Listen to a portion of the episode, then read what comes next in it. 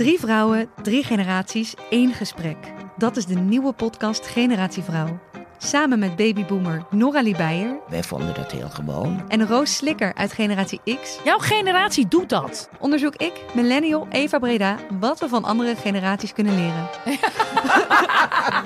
Iedere vrijdag een nieuwe aflevering op Flair, Libelle of margriet.nl slash podcast.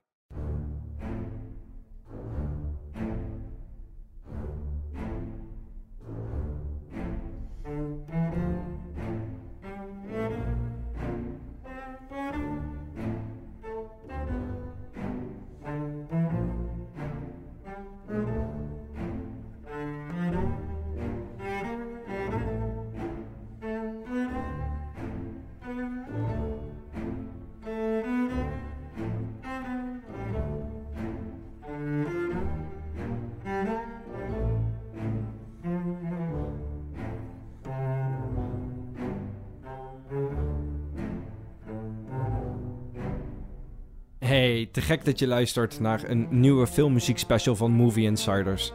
De filmpodcast van het AD. Ik ben je vaste filmmuziek host, Koen Haver. En in deze aflevering ga ik je meenemen door het oeuvre van de bekendste en invloedrijkste componist van onze huidige tijd, Hans Zimmer. Want met de releases van June en het aanstaande James Bond bevestigt Hans Zimmer eens te meer zijn status als de meest gewilde componist. En iedereen heeft wel eens van hem gehoord. Is het niet van de muziek van Gladiator of Pirates of the Caribbean, dan is het wel van Inception, Lion King of The Dark Knight Trilogy. Vrijwel alle grote blockbusters of franchises van de laatste 20 jaar hebben muziek van Zimmer of van een van zijn leerlingen.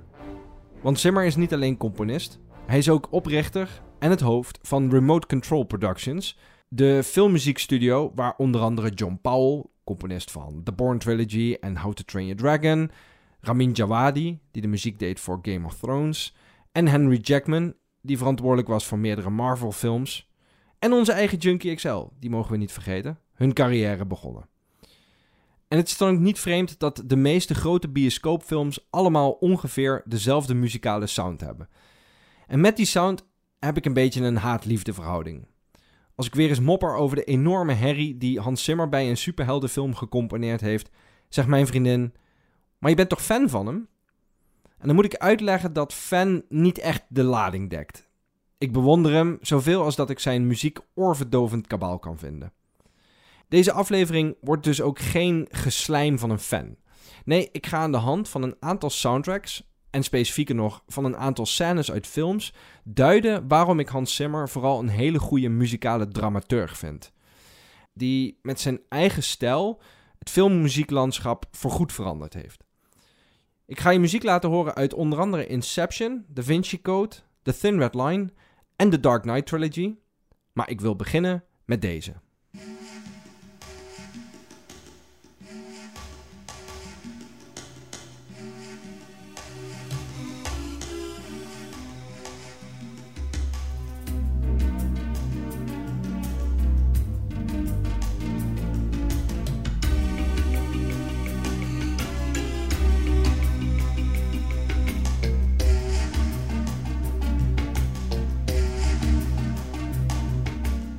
Nou, veel muziekfans zullen deze muziek direct herkennen als de score voor Rain Man. Over de autistische Raymond, gespeeld door Dustin Hoffman. Die samen met zijn broer Charlie, gespeeld door Tom Cruise, van Cincinnati naar Los Angeles reist. En onderweg ontwikkelen de twee een broederlijke vriendschap. Nou, eigenlijk worden ze echt gewoon wel gek op elkaar als, als broers die ze zijn. En Charlie ontdekt dat geld en aanzien echt veel minder belangrijk is dan hij dacht. En Zimmers muziek is een hybride combinatie van diverse percussie en synthesizers, aangevuld met een gitaar. En dat maakt het thema super energiek, pulserend, maar ook een beetje onbestemd. Want je hebt nooit een idee waar het thema daadwerkelijk naartoe gaat. En dat is meteen een belangrijk onderscheid eh, tussen Hans Zimmer en de componisten, de grote componisten van de jaren 70 en 80, John Williams en Jerry Goldsmith. Zimmer bouwt nooit echt concreet op naar een groots thema. Het is muziek die bijna organisch lijkt te ontstaan en die gaandeweg zijn volledige vorm pas lijkt te vinden.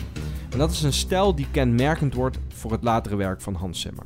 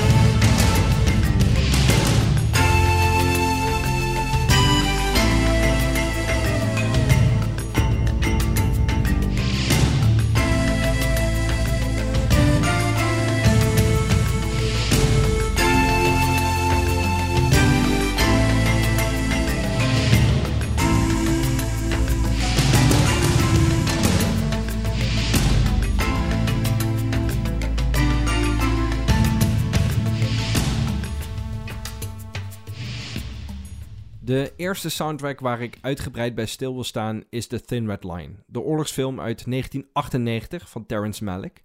Een filosofische oorlogsfilm die gaat over een groep Amerikaanse soldaten die een veldslag uit moeten vechten ergens in het Guadalcanal. En zij beginnen zich vragen te stellen over de zin van de oorlog en ook hoe zij zichzelf kunnen blijven in een omgeving die totaal niet is wat zij gewend zijn. En The Thin Red Line is geen soundtrack die zich kenmerkt door thema's of leidmotieven ehm, die passen bij de personages of bij uh, bepaalde plekken waar ze zijn. Uh, we krijgen dus ook totaal geen houvast in de muziek over wat we moeten voelen. Het zijn eigenlijk allemaal bijna losse muzikale ideeën die passen bij specifieke emoties of filosofische overpeinzingen. En onze hoofdpersoon in deze film is soldaat Wit. En zijn zoektocht naar de zin van de oorlog die hij moet voeren, dat wordt dus ook onze zoektocht. En Zimmer componeerde geen hoofdthema voor hem, maar laat verschillende motieven zijn zoektocht begeleiden. Ik wil jullie een fragment laten horen. Dat is een, een daadwerkelijk een stuk dialoog uit de film. En concentreer je dan vooral ook op de manier waarop Zimmer in de muziek de dialoog begeleidt. I feel sorry for you, kid. Yeah. Yeah, a little. This army's gonna kill you. You're smart, you take care of yourself. There's nothing you can do for anybody else. Just running into a burning house where nobody can be saved.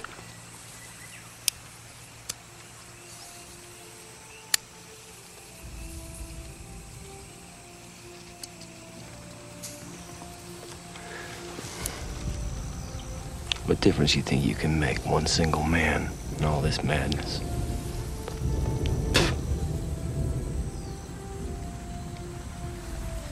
If you die, it's going to be for nothing.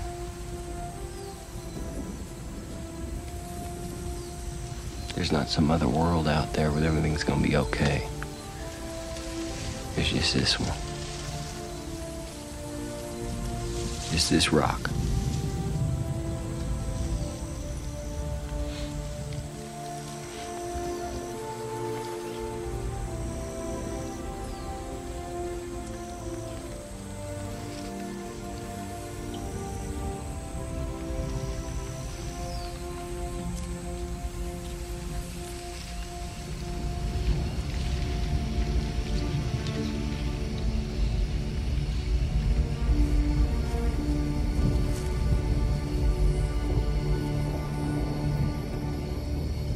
Nou, ik zei net al dat er nauwelijks thematische ontwikkeling plaatsvindt in deze soundtrack. Het is bijna objectieve muziek. We worden als kijker amper gestuurd in wie onze sympathie in deze dialoog verdient. Er zijn wat violen die een simpel motief spelen. Klinkt heel ver weggedrukt op de achtergrond. En we horen dit specifieke motief in de film alleen terug als uh, soldaat Wit een keer aan zijn vrouw terugdenkt. Maar voor de rest horen we dit specifieke motief nooit meer. En wat ook opvalt in deze scène is dat als de muziek van toon verandert, het opeens veel duisterder wordt. Alsof er gevaar dreigt, alsof er iets op ons afkomt uh, waar we bang voor moeten zijn. En tegelijkertijd, ik zei net, lijkt het wel objectieve muziek, is het ook muziek waar een zekere vorm van melancholie en een groot verdriet van uitgaat. En dat vind ik het knappe aan Zimmer, dat hij met heel weinig middelen in, als hij subtiel is, dat is hij niet vaak, maar als hij het is, dat dan ook de muziek meteen keihard binnenkomt. Dat is in ieder geval bij mij zo.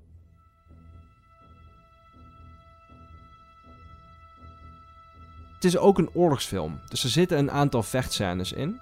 En laten we eens horen hoe Zimmer in deze film die scènes van muziek voorziet. Want hij laat zijn bekende bombast, die laat hij achterwege. En hij gebruikt eigenlijk enkel een soort van pulserende grondtoon, synthesizers en strijkers om de spanning en het gewicht van die veldslag op te bouwen. En die strijkers geven ook direct de emotionele toestand van het personage aan dat we op dat moment volgen. Dat is Sergeant Welsh.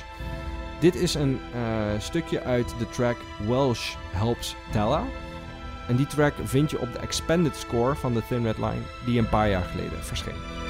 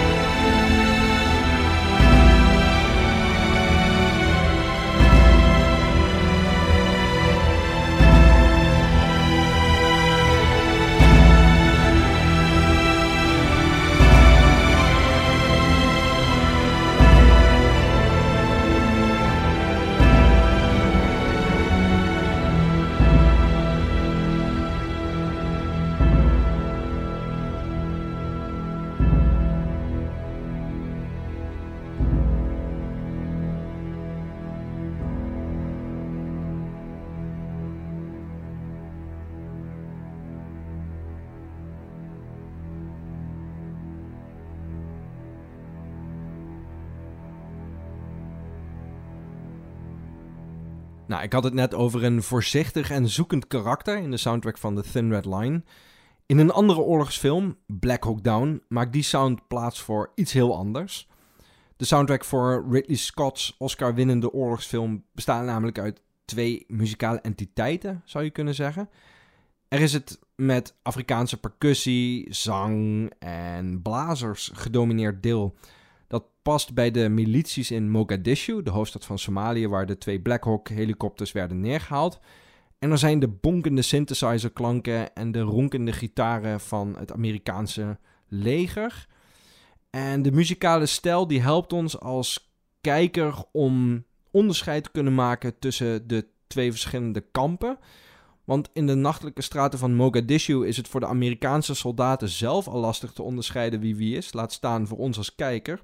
En dan helpt die muzikale begeleiding van Hans Zimmer ons door die gevechten heen. Want precies wanneer de Amerikaanse soldaten verschijnen, dan horen we die metaalachtige, door synthesizer gecreëerde sounds. En als we meegaan met de strijdende partijen uit Mogadishu, dan horen we die Afrikaanse muziek. En en passant lijkt Hans Zimmer in zijn muziek ook nog de ongelijkheid daardoor te duiden tussen de twee partijen. Want de Amerikanen die zijn heftig uitgerust met de modernste apparatuur, terwijl de Somaliërs het moeten doen met nou ja, wat hen voorhanden gebracht is. En dat is niet heel veel meer dan een paar wapens. En die minimale middelen die hoor je perfect ook terugkomen in de muziek.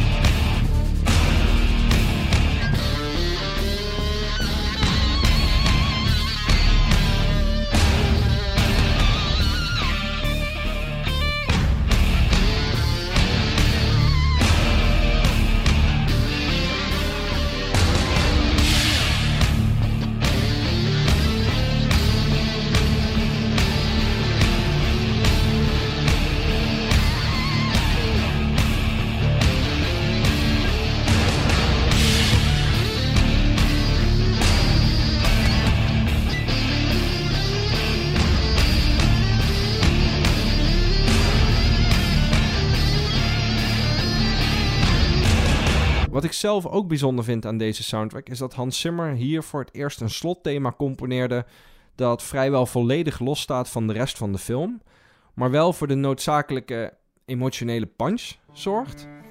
We horen straks natuurlijk Time uit Inception, maar een soortgelijke track hoor je ook in Dunkirk, daar heet die Variation 15, hoewel die geschreven werd door Benjamin Wolfish. En hier is het Leave No Man Behind.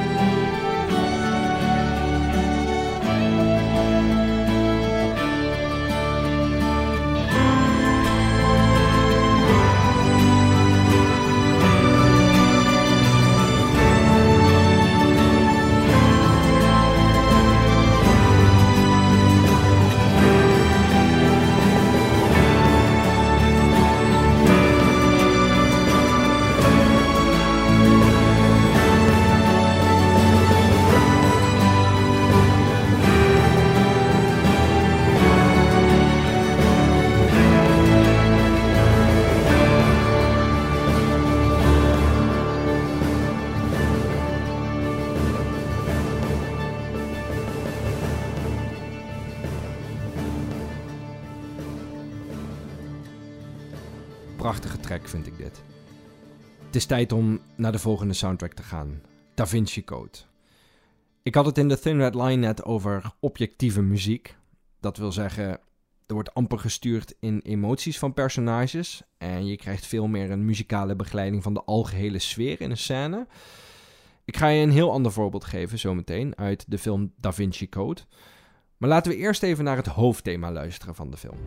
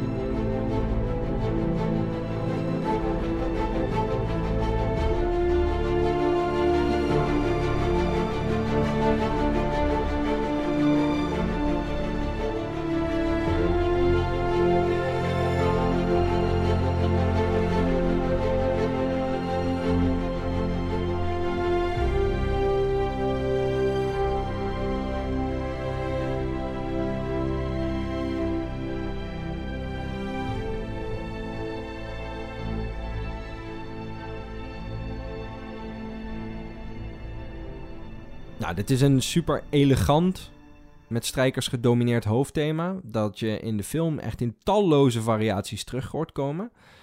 En om je te laten horen welke rol Zimmer als dramaturg kan vervullen, dus hoe hij door muziek het verhaal kan vertellen, pak ik de scène waarin Langdon, gespeeld door Tom Hanks, ontdekt dat Sophie een afstammeling is van Jezus. Laten we hem beluisteren en hem dan ontleden. Because I don't think he was your grandfather.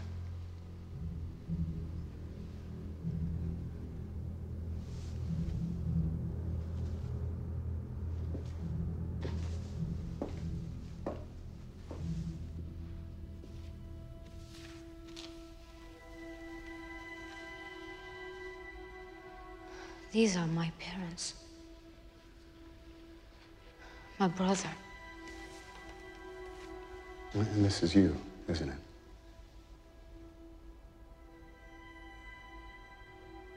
The paper says the entire family was killed. The mother, the father, the boy, six. And the girl, four. But your name was never Saunier. It's St. Clair.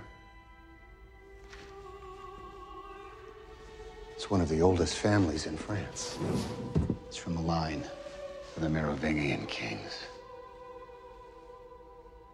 Quoi? Sang royal. Royal blood. I was so wrong. Sonier didn't want you to help guard the secret of the Holy Grail. Sophie, you are the secret. You survived the accident. If it even was an accident. The Priory found out. Somehow they concealed the fact that you were alive. They hit you with the Grand Master himself who raised you as his own. According to all of this, Princess Sophie, Non, c'est pas possible. you are the heir. The end of the bloodline. You are the last living descendant of Jesus Christ.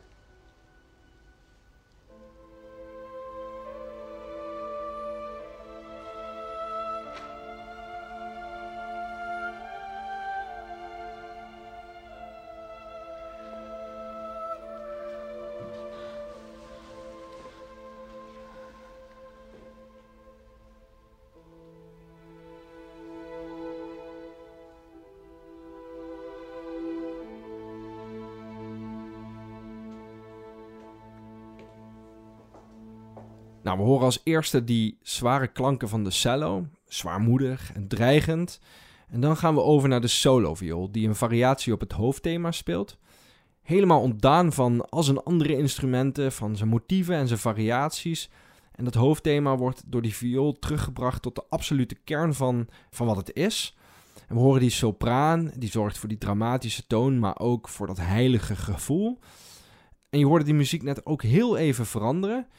Alsof Simmer subtiel wil zeggen: let op, wat nu komt is belangrijk. En ik verander de toon van mijn muziek, zodat jij als kijker weet: wat je nu te zien gaat krijgen, dat gaat op jouw gevoel en jouw gedachten inwerken. Maar er gebeurt ook iets opmerkelijks in deze muziek, in deze scène. Want we zijn bijna aan het einde van de film. We hebben de big revelation hebben we nu gehad. En toch weten we als kijker dat er nog iets moet komen. En wat het iets is, dat weten we niet. Eh, maar het komt. En hoe we dat weten? De muziek is nog niet af. Het hoofdthema dat ik je net liet horen aan het begin van dit deel, uh, dat, klinkt glorieus, groots, uh, emotioneel. En het kan niet zo zijn in een film, zeker niet als Hans Zimmer de muziek doet, dat het einde van de film een hele kleine, volledig uh, van alle opsmuk ontdane variant is van dat thema. Dat bestaat niet. Dat, dat weten we als kijker. Misschien zelfs wel onbewust. En zelfs als je de film dus voor de eerste keer kijkt, zonder voorkennis, dan weet je uh, dat, er nog, dat er nog iets moet gaan komen. En dat klopt. Want de allerlaatste scène uit de film is de scène waarin de begraafplaats van Maria Magdalena onthuld wordt. En die onthullingsscène, zeg maar de echte slotscène van de film, die begint met Langdon die zich scheert en dan valt er bloed in zijn wasbak en dan zet hij muziek aan. En Zimmer trekt naarmate die scène vordert alle registers open en aan het einde klinkt de muziek net zo hard als de voice-over van Tom Hanks zelf. En dan weten we als publiek, oké, we hebben de finale van de film nu echt te pakken. We zijn aan het einde van de rit gekomen.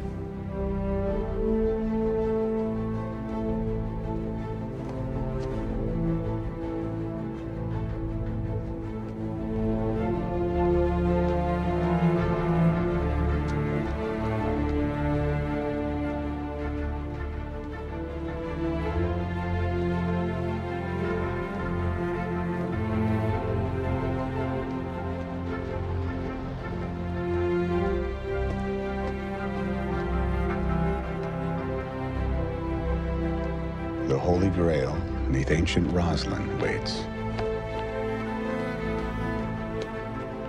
Adorned in master's loving art, she lies.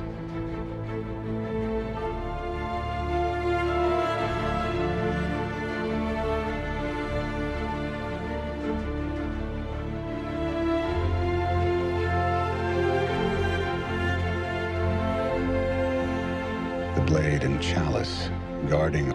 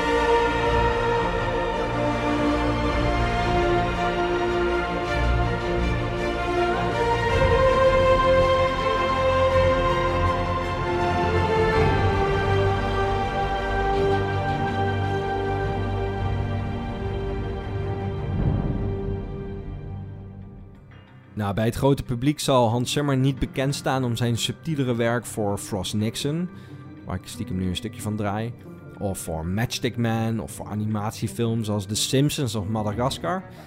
Vraag een willekeurig persoon op straat wie Hans Zimmer is. En als ze het weten, dan zullen ze zeggen dat het de componist is van Pirates of the Caribbean, The Rock, Man of Steel en The Dark Knight Trilogy. En dat is niet vreemd, want met deze actiesoundtracks uh, zette hij zichzelf echt op de kaart. En Batman Begins markeerde ook een nieuwe Hans Zimmer. En daarom wil ik bij die soundtrack wat langer stilstaan. Ja, de muziek is nog steeds die typische Zimmer-stijl. Maar in de soundtrack van Batman Begins begon Zimmer ook met experimenteren met sounddesign. Dus geluiden als onderdeel van de muziek. De grens vervaagde langzaam tussen wat echt sound is uit de film en wat muziek is gecomponeerd door Hans Zimmer.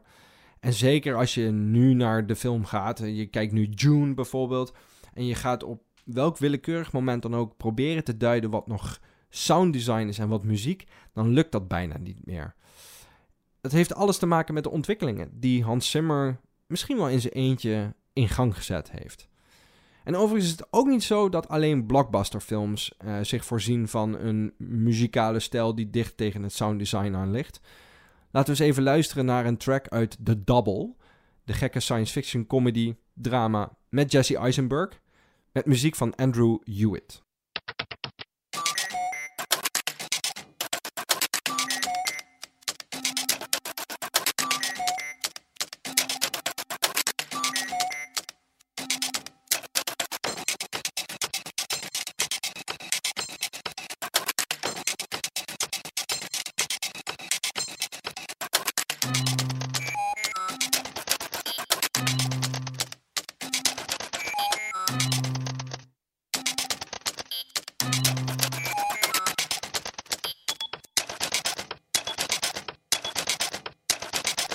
Prachtig voorbeeld denk ik van hoe geluidsdesign en muziek samenkomen. Laten we teruggaan naar Batman Begins. En beginnen met het actiethema dat we in deze soundtrack kunnen horen.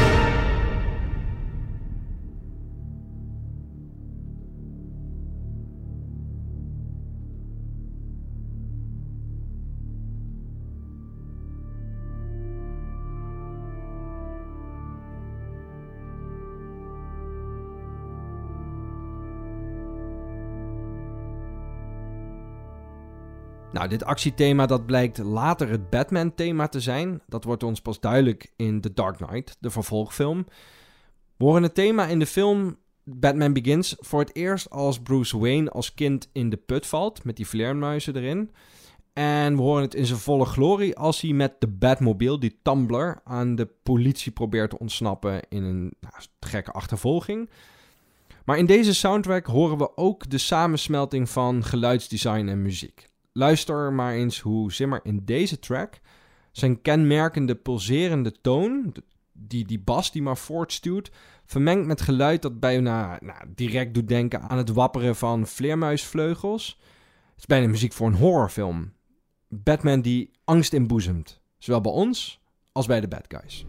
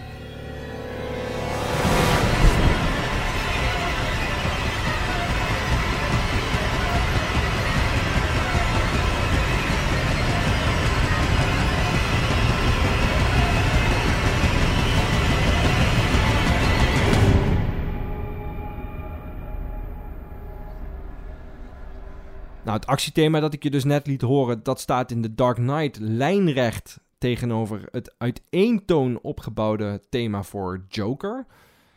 Probeer trouwens eens in te bedenken hoe knap het is dat je aan de hand van één toon, die meteen iedereen herkent als je hem hoort terwijl je de film kijkt, ook een personage kunt introduceren. Dat, dat, ik vind dat fascinerend en, en dat geeft het genie van Hans Zimmer ook wel aan. Overigens wordt die ene toon later ook nog eens atonaal, dus buiten de normale toonladder vallend. En het is de perfecte tegenhanger van dat bombastische thema van Batman. Laten we eens luisteren hoe die twee thema's in The Dark Knight met elkaar het muzikale gevecht aangaan.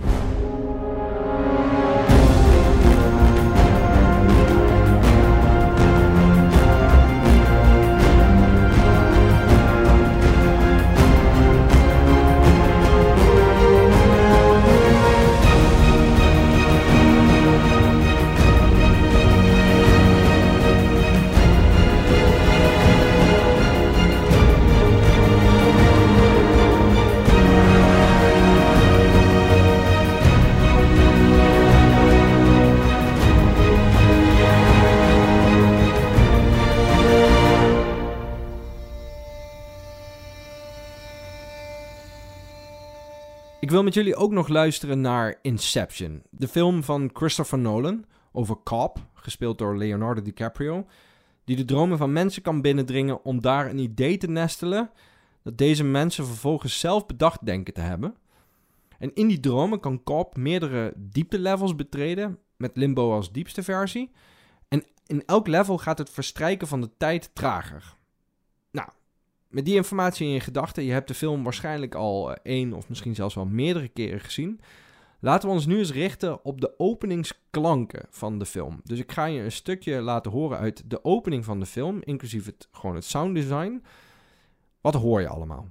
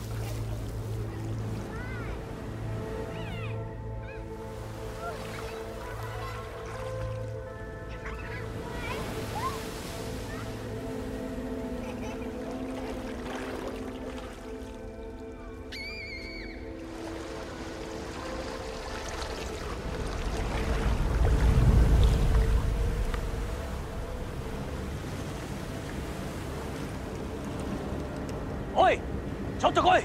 怪しい奴がいるぞ。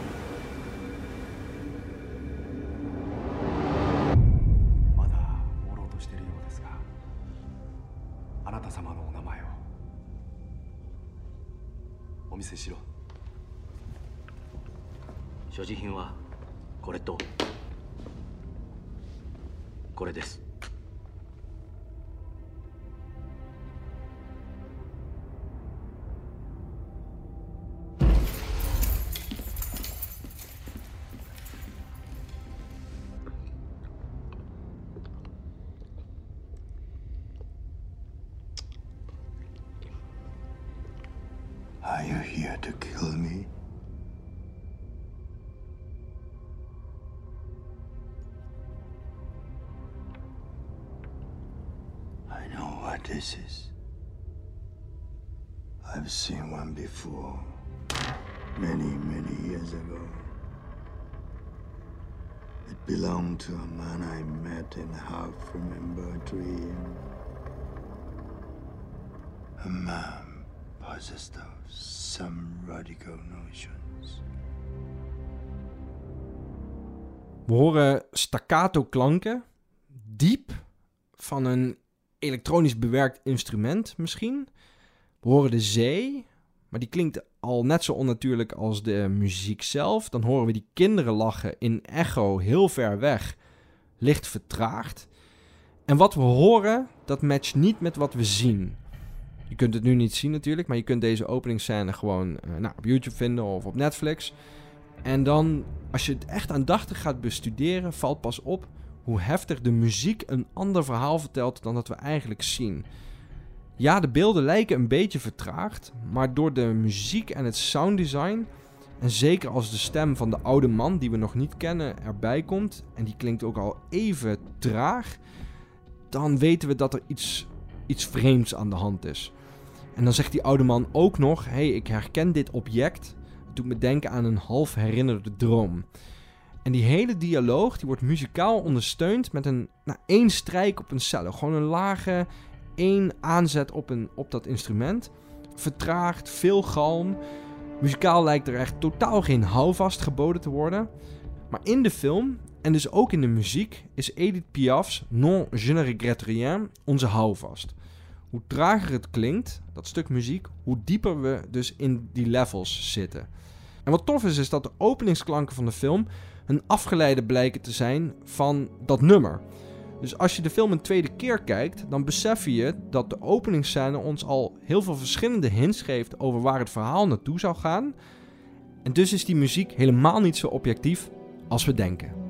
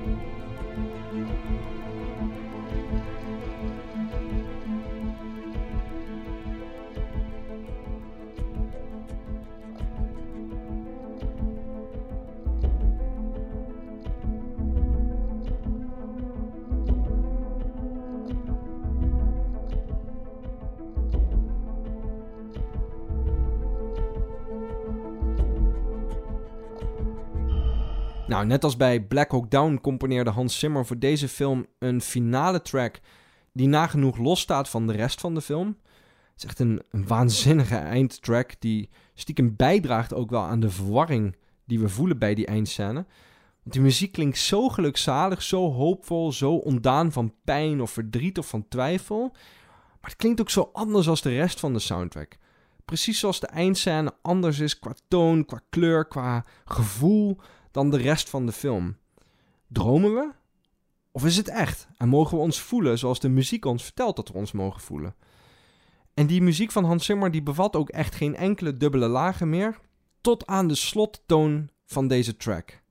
En dan kun je je ultiem verraden voelen.